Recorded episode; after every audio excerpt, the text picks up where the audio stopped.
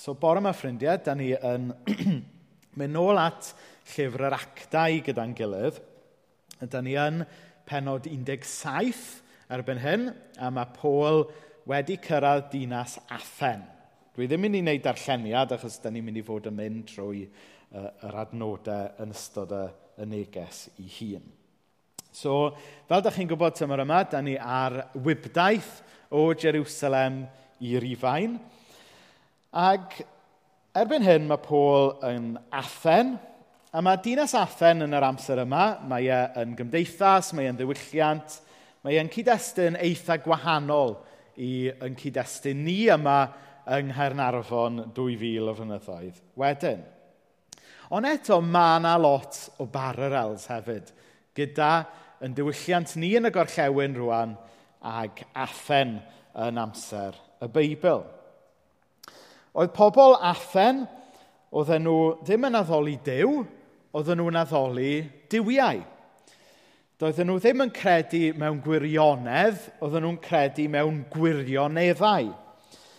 Ac os ydyn ni yn byw heddiw yn oes, yr, um, oes post-truth, felly bod pobl, di, chi wedi clywed bod ni'n byw mewn oes post-truth rwan, wel falle mae Athen oedd cymdeithas pre-truth.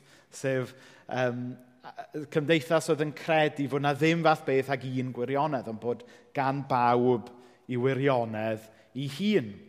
A mae yna ddyfyniad enwog gan George Orwell, dwi'n meddwl, nath Manic Street Preachers ddefnyddio fel teitl un o'i cyneuon nhw. This is my truth, tell me yours.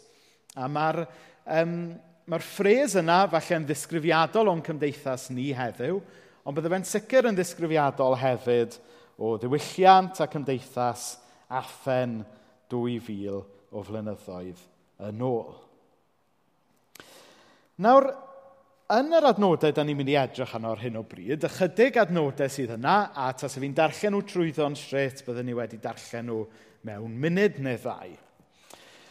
Um, ond mae haneswyr yn dweithio ni fod Paul fwy na thebyg wedi bod yn siarad, wedi bod yn trafod, wedi bod yn ceisio ymresymu efo pobl Athen yn yr, i gael yn iawn, yn yr Areopagus, um, sef rhyw fath o, rhyw fath o, oedd o fel rhyw fath o fel football stadium, ond i philosophers.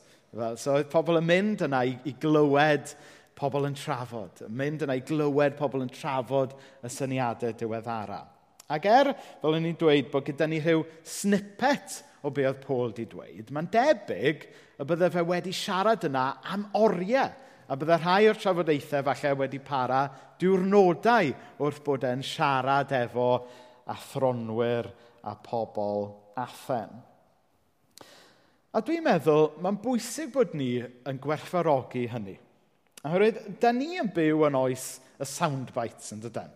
Da ni'n byw yn oes y TED Talks, lle mae pobl yn dweud, os, os ti'n methu wneud y bwynt mewn dwy funed, yna dwi e ddim pwynt i wneud e.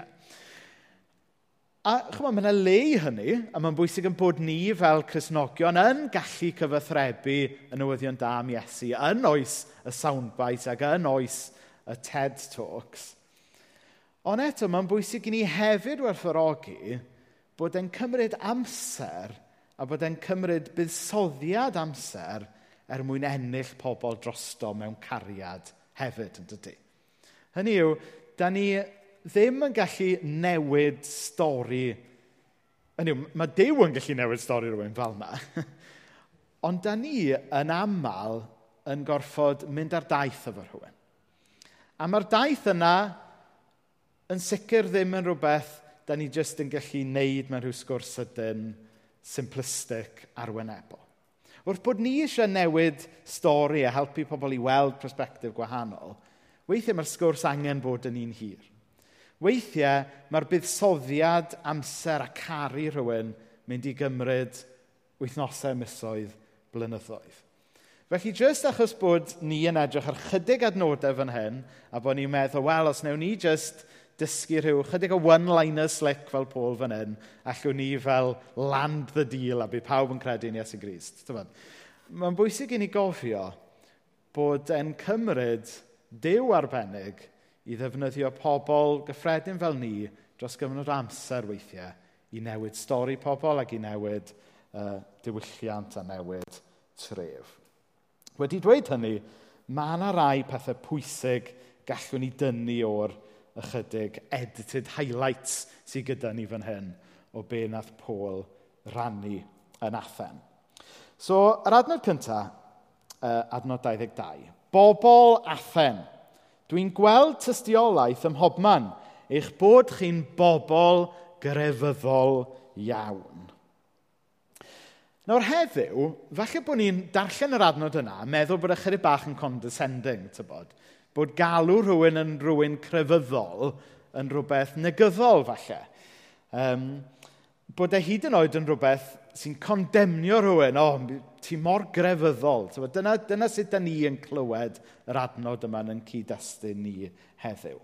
Ond nid dyma sy'n gan Paul fan hyn. Yn ytrach, mae e jyst yn nodi, wel, pobl, a dyn chi'n bobl crefyddol. Dyna mae'n rhan o pwy ydych chi. Mae'n rhan o'ch diwylliant chi. Mae diddordeb gyda chi mewn diwiau a pethau ysbrydol. Oedd Paul mewn ffordd jyst yn nodi ffaith fan hyn drwy ddweud bod pobl Athen yn bobl ysbrydol. Nawr, da ni supposedly yn byw mewn cyfnod seciwlar nawr. Ond dwi am ddadle bore yma, actually, bod ni'n byw mewn cyfnod yr un mor grefyddol ac erioed. Just fod, just mae'r grefydd heddiw ydy pethau fel materoliaeth. Ydy pethau fel seculariaeth i hun, ironically. Oherwydd, mae e o fewn um, mer esgyrn pobl, mae fe yn yn DNA ni i fod yn addolwyr. Mae pawb mynd i addoli rhywbeth. Dyna sut da ni wedi creu. Da ni, by default, yn bobl crefyddol. I rhai pobl, i crefydd nhw falle ydy materoliaeth, a falle arian. A da ni fel Cresnogion yn gallu slipio i adael i'r pethau na fod yn grefydd i ni llawn cymaint a neb. Mae identity politics yn bwysig iawn. Mae'n bwysig yn ei le a mae, mae fe mor bwysig i rhai pobl fel mae dyna yw eu crefydd nhw. I rhai pobl, i gwaith nhw ydy crefydd nhw. Dyna pam bod gymaint o bobl yn workaholics a dyna pam fod gymaint o bobl yn mynd yn sal oherwydd hynny. I rhai pobl byw yr Instagram perfect life ydy i crefydd nhw. Hynny yw, dwi'n meddwl, heddiw gymaint ag, ag yn amser athen, fod pobl yr un mor grefyddol ac erioed. Mae e o fewn y natur ni i fod yn grefyddol ac eisiau addoli rhywbeth. A dyna mae Paul yn neud fan hyn yn Athen. Mae e jyst yn dweud, hei, da chi'n grefyddol, da, da chi eisiau addoli rhywbeth. Mae'n amlwg bod chi yn addolwyr a bod chi yn grefyddol iawn. Wedyn mae'n e mynd ymlaen fel hyn yn hanner cyntaf adnod 23. Dwi wedi bod yn cerdded o gwmpas yn edrych yn ofalus ar yr hyn dych chi'n ei addoli. Yng nghanol y cwbl desio hyd i un allor oedd ar geiriau yma wedi cerfio arni. I'r dew anhysbys.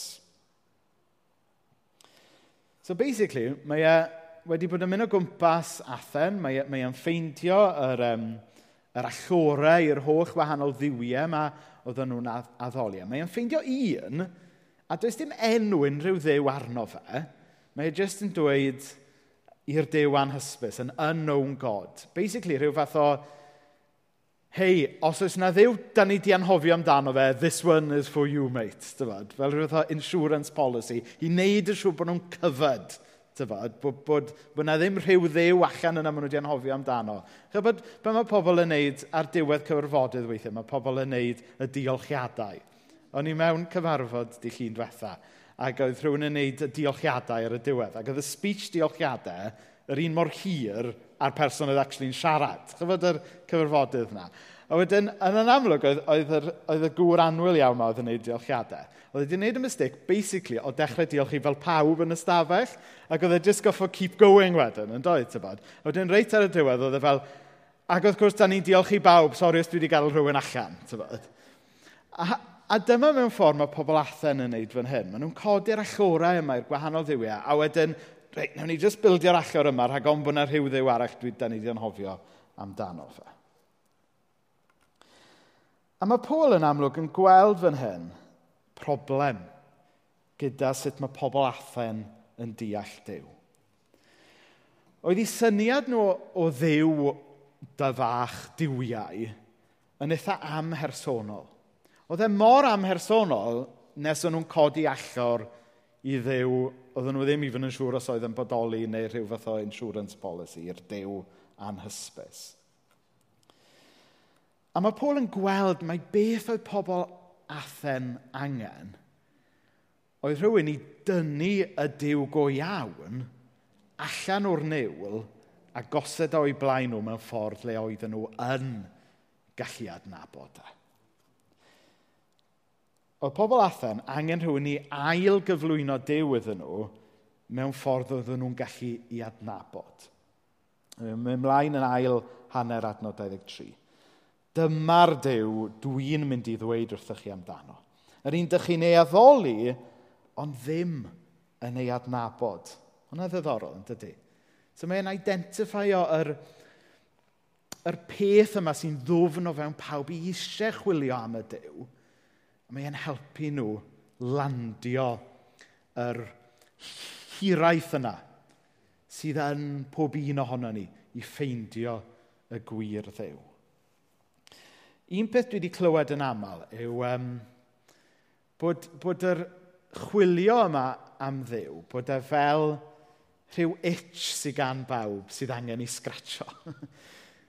a bod pobl Athen yn arbennig, oedden nhw'n amlwg yn, yn, yn teimlo'r itch yna am ddew oedd yn rhoi bywyd. Ond oedden nhw'n sgratio yn y lle anghywir. A mae Paul nawr yn helpu nhw fynd i'r cyfeiriad cywir.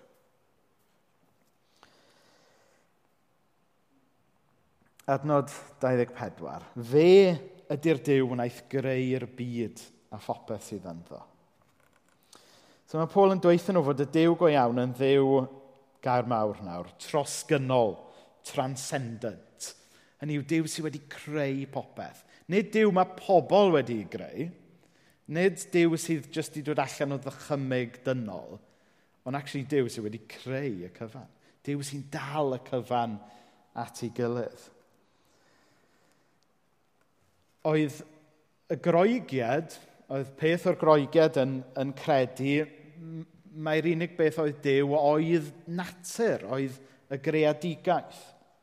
A dyn ni'n gweld rhywfaint o hwnna yn ei cymbac yn y byd modern, yn dydyn, bod pobl yn, yn rhyw addoli natur ac yn addoli y fam ddeiar ac yn y blaen. Ond Dyw sydd wedi creu y ddeiar. Ac felly, da ni wrth gwrs, yn bod ni fel Cresnogion yn gwerthfarogi'r greadigaeth a natur, a bod ni'n gofalu ar ôl y greadigaeth a natur, ond da ni ddim yn neud hynna achos mae natur ydy Dyw, ond achos bod ni'n addoli y Dyw sydd wedi creu byd natur. Mae Dyw ddim wedi cael ei greu, mae e wastad yna fe sydd wedi creu popeth arall. Mae'n mynd mlaen i weid yn ail hadnod 24. Mae'n arglwydd ar y nefoedd a'r ddeiar Dydy e ddim yn byw mewn temlau sydd wedi hadeiladu gan bobl, a dydy pobl ddim yn gallu rhoi unrhyw beth iddo. Does dim byd sydd arno i angen. Y diw yma sy'n rhoi bywyd ac anadl a phopeth arall i bawb. Nawr, mae'n ddorol, dydy e ddim yn byw mewn temlau. Nawr, os ewch chi ar Google Images ar ôl mynd adre, teipio mewn Athen, dach chi dal yn gallu gweld olion rhai o'r temlau anhygoel yma oedd yn Athen yn sefyll heddiw. A maen nhw'n adeiladau anhygoel. Maen nhw'n adeiladau crand iawn. Ond be mae Paul yn dweud fan hyn yw fod y Dew go iawn ddim yn cael ei gyfyngu mewn teml. Dydy e ddim yn byw mewn un lle penodol. Ond yn ydych mae e wedi torri allan. A mae iawn cwmpas ni, a mae, e, a mae pawb yn gallu i gyfarfod a'i adnabod e. Ond hefyd mae e'n dweud fod y diw go iawn ddim mewn ffordd yn gallu cael ei domesticatio gan grefydd. Um, a, a mae hwnna'n her, oedd hwnna'n her i bobl Athen, oedd yn licio'r syniad o cadw Dyw mewn teml, ond dwi'n meddwl bod hwnna yn her i ni fel Cresnogion heddiw hefyd. Da ni'n meddwl bod ni'n gallu domesticatio Dyw yn dydan, bod ni'n gallu ffitio fo mewn i'n rhaglen a'n agendas a'n syniadau ni. Lle actually dylai fe fod ffod arall rownd. Dylai ni weld lle mae Dyw ar waith a tiwnio mewn i hynna. Dylai ni beidio meddwl bod ganddo ni fynopoli ac yn gallu rheoli agenda Dyw. Dylai ni edrych beth yw ei waith e a tiwnio mewn i hwnna. A dwi'n hoffi'r ffres hefyd sydd fan hyn. Um, dydy pobl ddim yn gallu rhoi unrhyw beth iddo, does dim byd sydd arnoi angen. Hynny yw, mae Dyw yn bodoli ac yn rheoli pinnau ydy ni yn cydnabod hynny a'i peidio. Hynny yw, does dim angen i ni gredu mewn Dyw i wneud i Dduw fodoli. Chi'n deall beth sy'n gyda fi? Mae hwn mynd bach yn philosophical nawr, ond bear with me, da chi yn athen bore yma. Um, anyway, os dwi'n cred...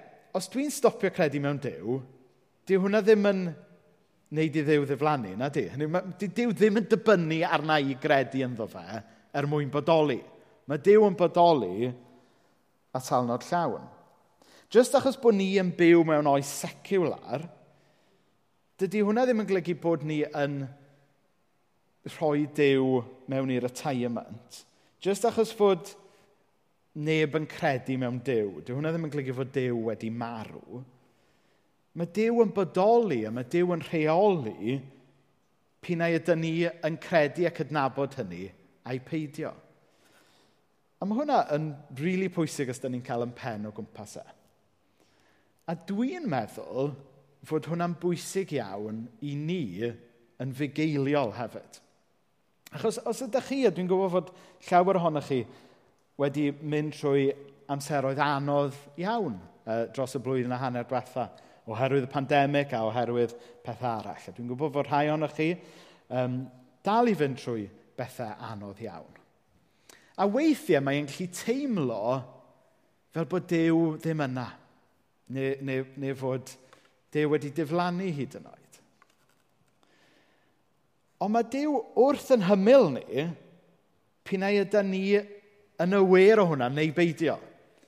Hynny yw, mae gwirioneddau Dyw yr un mor real pinnau ydy ni emotionally'n teimlo fo heddiw neu beidio. Hynny yw, mae Dyw yn transcendent, mae gariad e yna yn yn cario ni hyd yn oed mwy pan dyn ni ddim wastad yn teimlo fe. Nid dyna'r pwynt mae Paul yn neud fan hyn, ond, ond dwi'n meddwl bod yn berthnasol. Hynny yw, dydy gwirioneddau, cariad, ffyddlondeb, llawenydd Dyw ddim yn dibynnu arno ni. Mae e'n dod allan ohono fe i hun, a mae e yna trwy'r amser. Mae Paul yn mynd ymlaen i weid yn adnod 26. Fe ydy'r Dyw wnaeth greu y dyn cyntaf. A gwneud ohono yr holl genhedloedd gwahanol sy'n byw drwy'r byd i gyd. Mae'n penderfynu am faint fydd y cenhedloedd yn ambodoli, a lle'n union mae ei ffiniau deiarydol. Nawr roedd Athen ar y pryd oedd yn gymdeithas heiararchaidd iawn, um, le oedd yna social stratas eitha clir, gyda caethweision, um, reit ar y gweilod, a wedyn, chybod, yr arweinwyr y ddinas a, a bosses yr ymerodraeth Rufeinig ar y top, a wedyn sort of traders a pethau yn y canol, oedd yn gymdeithas, um, tybod, yn drist iawn eitha tebyg i'n cymdeithas ni heddiw, gyda rhai pobl mewn pwer, a rhai pobl efo cyfoeth, a rhai pobl heb bwer a heb unrhyw ffordd i ofalu amdanyn nhw ei hunain. Oedd e'n gymdeithas hefyd um, le oedd yna llawer o gamdrin. A lot o'r camdrin yna yn gamdrin rhywiol. A oedd hwnna yn rhan o'i crefydd nhw yn y temle yma. Oedd lot o hiliaeth yn cymdeithas Athen ar y pryd. Ac oedd yna gred ar y pryd fod bod gwahanol... um, tywa, bod pobl yn dod o gwahanol hil a bod rhai pobl yn fwy agos i ddew na rhai hil eraill. So digon tebyg yn y cyfnod modern i um, be oedd natsiaeth. Tywod, yn credu bod yr Aryan race yn, yn fwy arbennig na pobl eraill. Ac yn drist iawn beth da ni'n gweld yn, yn fwy diweddar gyda um, white supremacy sef y syniad fod, fod pobl gwyn rhywsut yn o hil uwch na pobl o, o gefndiroedd eraill. A be mae Paul yn neud fan hyn? Drwy, drwy ddweud fan hyn, fe di'r Dyw wnaeth greu y dyn cyntaf a gwneud ohono yr holl genhedloedd gwahanol sy'n byw trwy'r byd. Yw roed critic o'r heirarchiaeth, yr hiliaeth a'r cam wahaniaethu yma oedd yn embedded mewn yn diwylliant Athen. Mae e'n dweud fod pawb wedi creu yn gydradd gan ddew. Mae e'n dweud fod urddas yn perthyn i bawb. Beth bynnag yw eu cefndir nhw, beth bynnag yw eu hil nhw, os ydyn nhw'n bobl fawr yng nghymdeithas, neu os ydyn nhw yn gaeth weision mae Paul yn gwneud rhywbeth dewr iawn fan hyn. Mae e'n neud rhywbeth byddai rhai yn clasiffeio fel rhywbeth wleidyddol yn offro'r critic yma o gymdeithas Athen. Ond yn unig beth mae fe'n gwneud ydy galwch yn gwleidyddol os chi moyn, ond unig beth mae'n neud ydy gwneud rhywbeth chrysnogol. Sef sefyll dros y gwirionedd, y gwirionedd fod pawb wedi creu ar lun a delw Dyw, a fod yna urddas, fod yna bwrpas arbennig i bawb. Nawr, un o'r pethau um, dwi wedi wneud wythnos hyn, o, ydy rhywbeth dwi siŵr o fod mynd i ddyfaru wneud, sef dechrau darllen llyfr o'r enw Dominion gan Tom Holland. Nawr, mae Tom Holland i chi sy'n gwybod yn hanesydd arbennig, a mae wedi sgwennu llyfr mor dew a hynna am sut mae'r ffydd grisnogol wedi siapio diwylliant y gorllewin dros 2000 o flynyddoedd. Um, dwi ddim yn meddwl na i, pro na i probably byth gorffen y llyfr, ond dwi'n licio deud bod fi o leia wedi dechrau. Ond ta beth, yn, yr, yn y penod cyntaf, so dwi wedi darllen un penod o leia, rydych chi ofyn i fi mewn chydig o thosas, dwi wedi darllen mwy. Ond yn y benod gyntaf, a dyma pam nes i ddechrau darllen y wythnos hyn, achos o'n i'n gwybod bod fi'n paratoi y neges yma. Nawr yn y benod gyntaf, mae'n portreadu cymdeithas Athen cyn bod newyddion da Iesu Grist yn cyrraedd. A tan i fi ddarllen y benod yma gan Tom Holland wrthos yma, dwi ddim yn meddwl nes i wir werthfarogi pa mor dywyll oedd cymdeithas y diwylliant yn gallu bod cyn bod Iesu Grist yn torri trwyddo. Achos o'n i naifli wedi dychmygu athen pan oedd Paul yn cyrraedd i siarad am Iesu. Fel rhyw fath o, fel, rhyw, fel rhyw fath o leafy university campus – chyfod, gyda pobl yn cerdded rownd y lle, chyfod, yn, yn, sambod, yn sipian green tea, yn siarad am syniadau athronyddol, falle bach yn ffrisgu yn rhywiol, ond otherwise oedd a kind of good place to be kind of thing. Dyna naifli o'n ni'n meddwl oedd Athen cyn bod Paul yn cyrraedd. Ond pa mor wrong o'n i? Oedd e'n le mor dywyll. Oedd e'n lle hollol erchill, le oedd camdrin yn rhem. A fel o'n i'n dweud, oedd y cam drin yma yn rhywbeth oedd yn digwydd achos o'n nhw'n meddwl mai dyna sut oedd plesio y diwiau. A mae yna fanylion yn, yn y llyfr gan Tom Holland sydd jyst yn rhy graffig i rhannu fan hyn ar ddydd syl. Ond dim ond i ddweud fod darllen yr hanes yna jyst wedi wneud fi wir sylweddoli pa mor radical a gymaint o newyddion da yw'r efengil grisnogol, nid jyst i unigolion, ond i gymdeithas yn gyffredinol. A, a mae Paul yn mynd mlaen yn adnod 27 i ddweud hyn. Gwnaeth hyn i gyd, er mwyn iddyn nhw geisio dod o hyd iddo, ac estyn allan ei gael. Dydy e ddim yn bell o ddiwrtho ni mewn gwirionedd. Yn dweud wrth bobl athen, mae'r dew yma da chi wedi bod yn chwilio amdano fe yn bob man kind of yn y lle wrong. Does dim angen i chi chwilio'n bellach. Mae'r Dyw yna wedi dod ato chi nawr ym mherson Iesu Grist. Does dim eisiau chi fynd i chwilio am ddew, achos mae Dyw wedi dod i chwilio amdano chi. Mae hwnna'n hyfryd yn dydy. Mae'r Dyw mawr pwerus, y Dyw sydd wedi creu y bydysawd a popeth ynddo fe, nawr wedi dod ato chi yn Iesu Grist. Mae'n ddiddorol wedyn, mae'n adnod 28, mae'n cwtio rhai o'i beirdd nhw.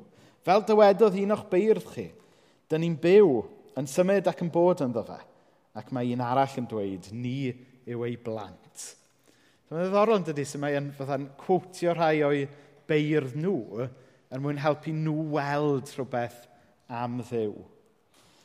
Ac yn aml, mae, mae diwylliant poblogaidd hyd yn oed heddiw yn rhoi hints o'r efengel yn well na dyn ni fel eglwys weithiau yn wneud. Dwi, dwi wastad yn meddwl bod pob ffilm da yn loosely based ar yr efengel grisnogol, yn dydy? Fydda, dyma, mae yna wastad rhywbeth yn mynd yn wrong, a wedyn mae yna wastad un person yn rhywbeth o mynd yn aber dros, y, dros y pawb arall, a wedyn popeth yn cael ei restoro ar y diwedd. Wel, dyna yw ac pob stori da, ynddo fe?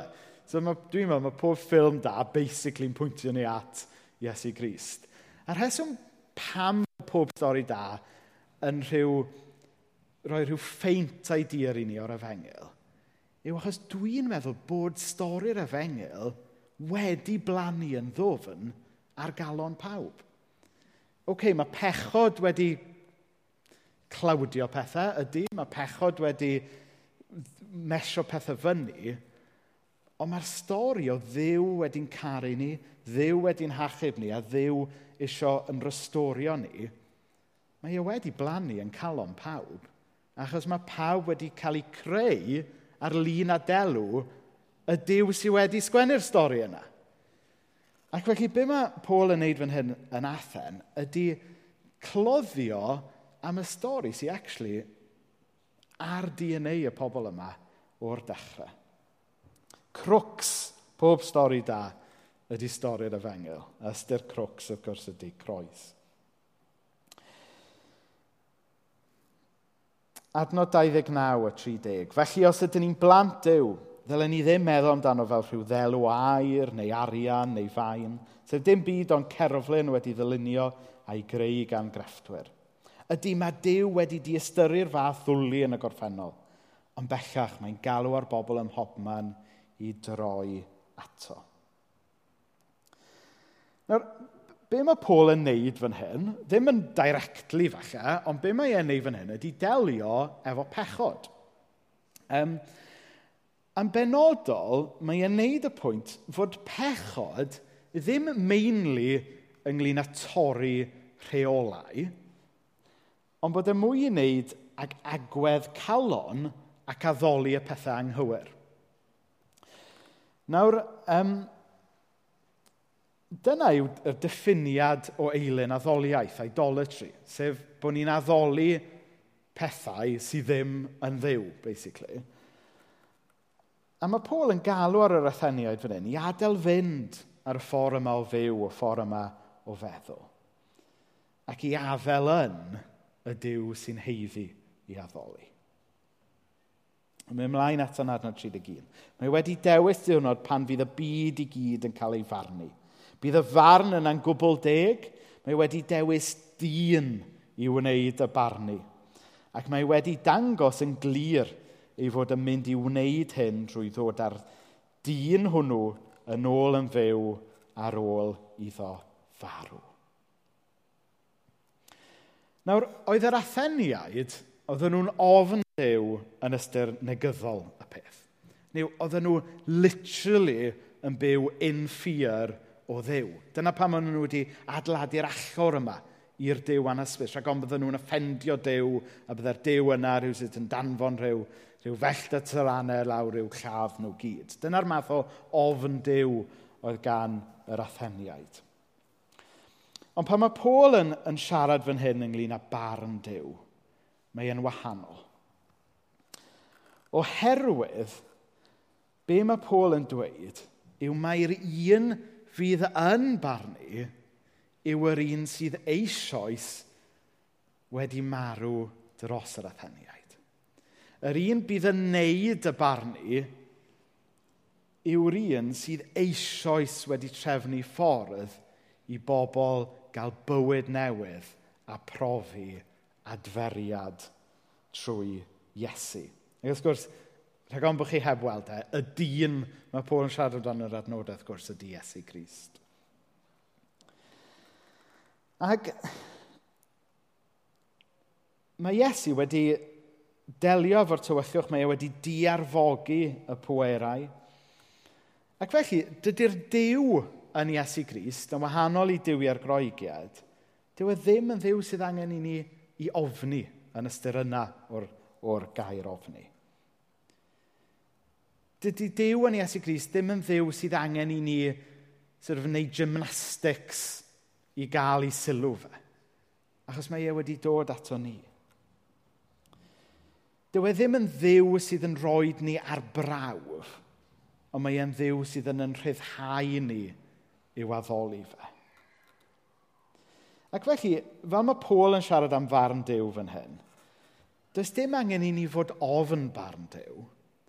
Os rhywbeth, mae barn dew yn rhywbeth i ddisgwyl ymlaen iddo fe. Achos pa mae Dyw yn barnu, mae cyfiawnder yn cael lle. Mae, mae drygioni'n cael ei ddelio gyda fe, a mae'r gorthrymedig yn cael ei codi.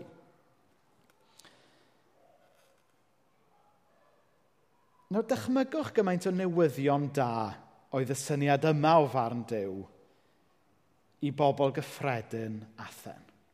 So, oedd pobl gyffredin Athen, oedd nhw wedi cael eu gorthrymu gan grefydd a diwiau Athen.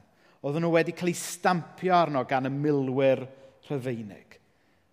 Dychmygwch gymaint o newyddion da oedd y, oedd y newyddion da yna bod na ddew arall yn dod oedd yn dod i farnu'n de.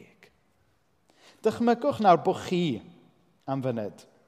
Dychmygwch nawr bod chi yn blentyn, yn byw yn Athen ar y pryd, a bod chi wedi'ch gorfodi, a esgusodwch bod hwn chydig bach yn graffig, ond dwi'n meddwl bod angen i fi fod er mwyn i chi werthfarogi gymaint o newyddion da oedd barn dew fan hyn.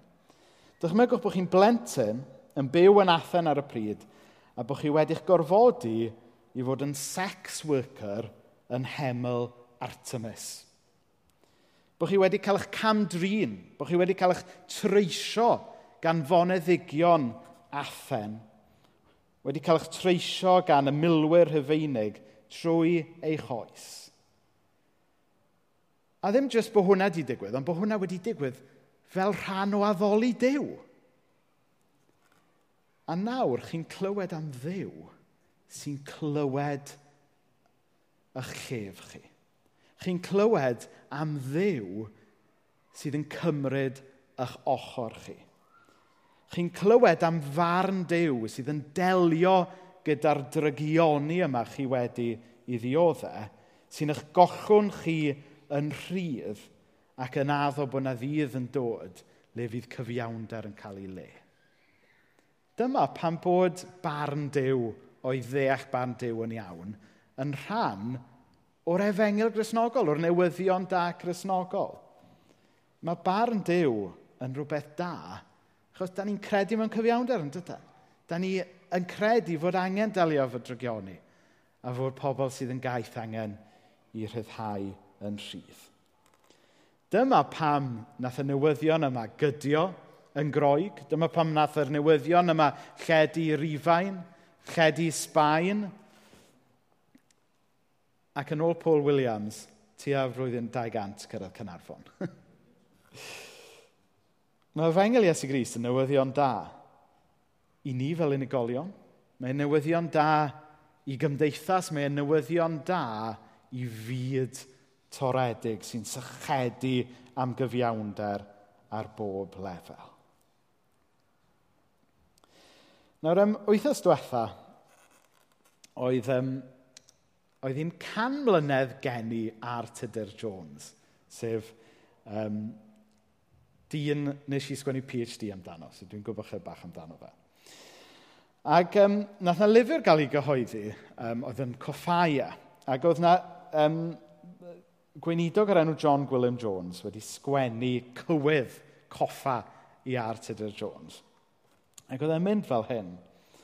Nid, so oedd Arthur Jones oedd yn gweithio'n bangor, jyst i chi gael context. Nid athen rad weladwy yw'r bangor sy'n mangor mwy. Daeth a dew at y doeth dall, dod a dew i di deall. Mae hwnna'n dail un eich anhygoel, dydy. Daeth a dew at y doeth dall, dod a dew i di deall. Cynghanedd yn swnio'n lyflu even os chi'n mynd all beth mae'n deud. Ond, ond y pwynt ydy, dyma oedd Paul yn neud yn Athen, de. Y pobl Athen yn meddwl bod nhw'n oh so, oh so sophisticated. Ond nhw'n meddwl mai nhw oedd y bobl doeth. Ond nhw'n meddwl mai nhw oedd y bobl galluog. Ond doedden nhw ddim. Oedd angen i Paul gyflwyno rhywbeth gwell. Oedd angen i Paul gyflwyno beth oedd gwir ddoedd hunain, beth oedd gwir gyfiawnder, beth oedd gwir newyddion da. A da ni yn ymuno gyda Paul a Saint yr oesoedd i garu pobl, i gysylltu efo pobl wrth gwrs, ar lefel, lefel personol ac emosiynol, wrth gwrs. Ond da ni hefyd yn cael ein galw i hoeddi'r newyddion da ar lefel um, deallusol hefyd i ddod a dew i di deall, fel mae'r llinell briliant yno gynghanedd yn dweud. Gen i blygu pen mewn gweddi. Wel, o ddiw dad, da ni jyst yn diolch i ti am yr hanes anhygol yma, a'r geiriau pwerus yma, uh, nes di roed i Pôl i rannu efo pobl Athen. O ddiw dad, wrth i ni feddwl am, am y tywyllwch oedd yn Athen ar y pryd.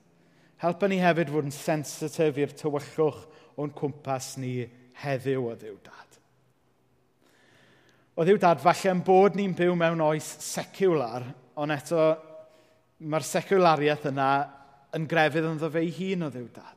A mae yna bobl o'n cwmpas ni heddiw, a ni yn hunain hyd yn oed yn slipio mewn iddo fe weithiau, sydd yn syrthio i fod yn gaeth weision i gryfyddau yn dydd o ddiw dad, helpa ni weld o'r newydd gymaint gwell yw be mae Iesu yn cynnig.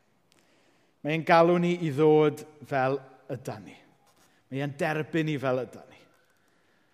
Ond y ddiw dad, paid y gadlu'r newyddion da yma jyst fod yn rhywbeth personol yn unig.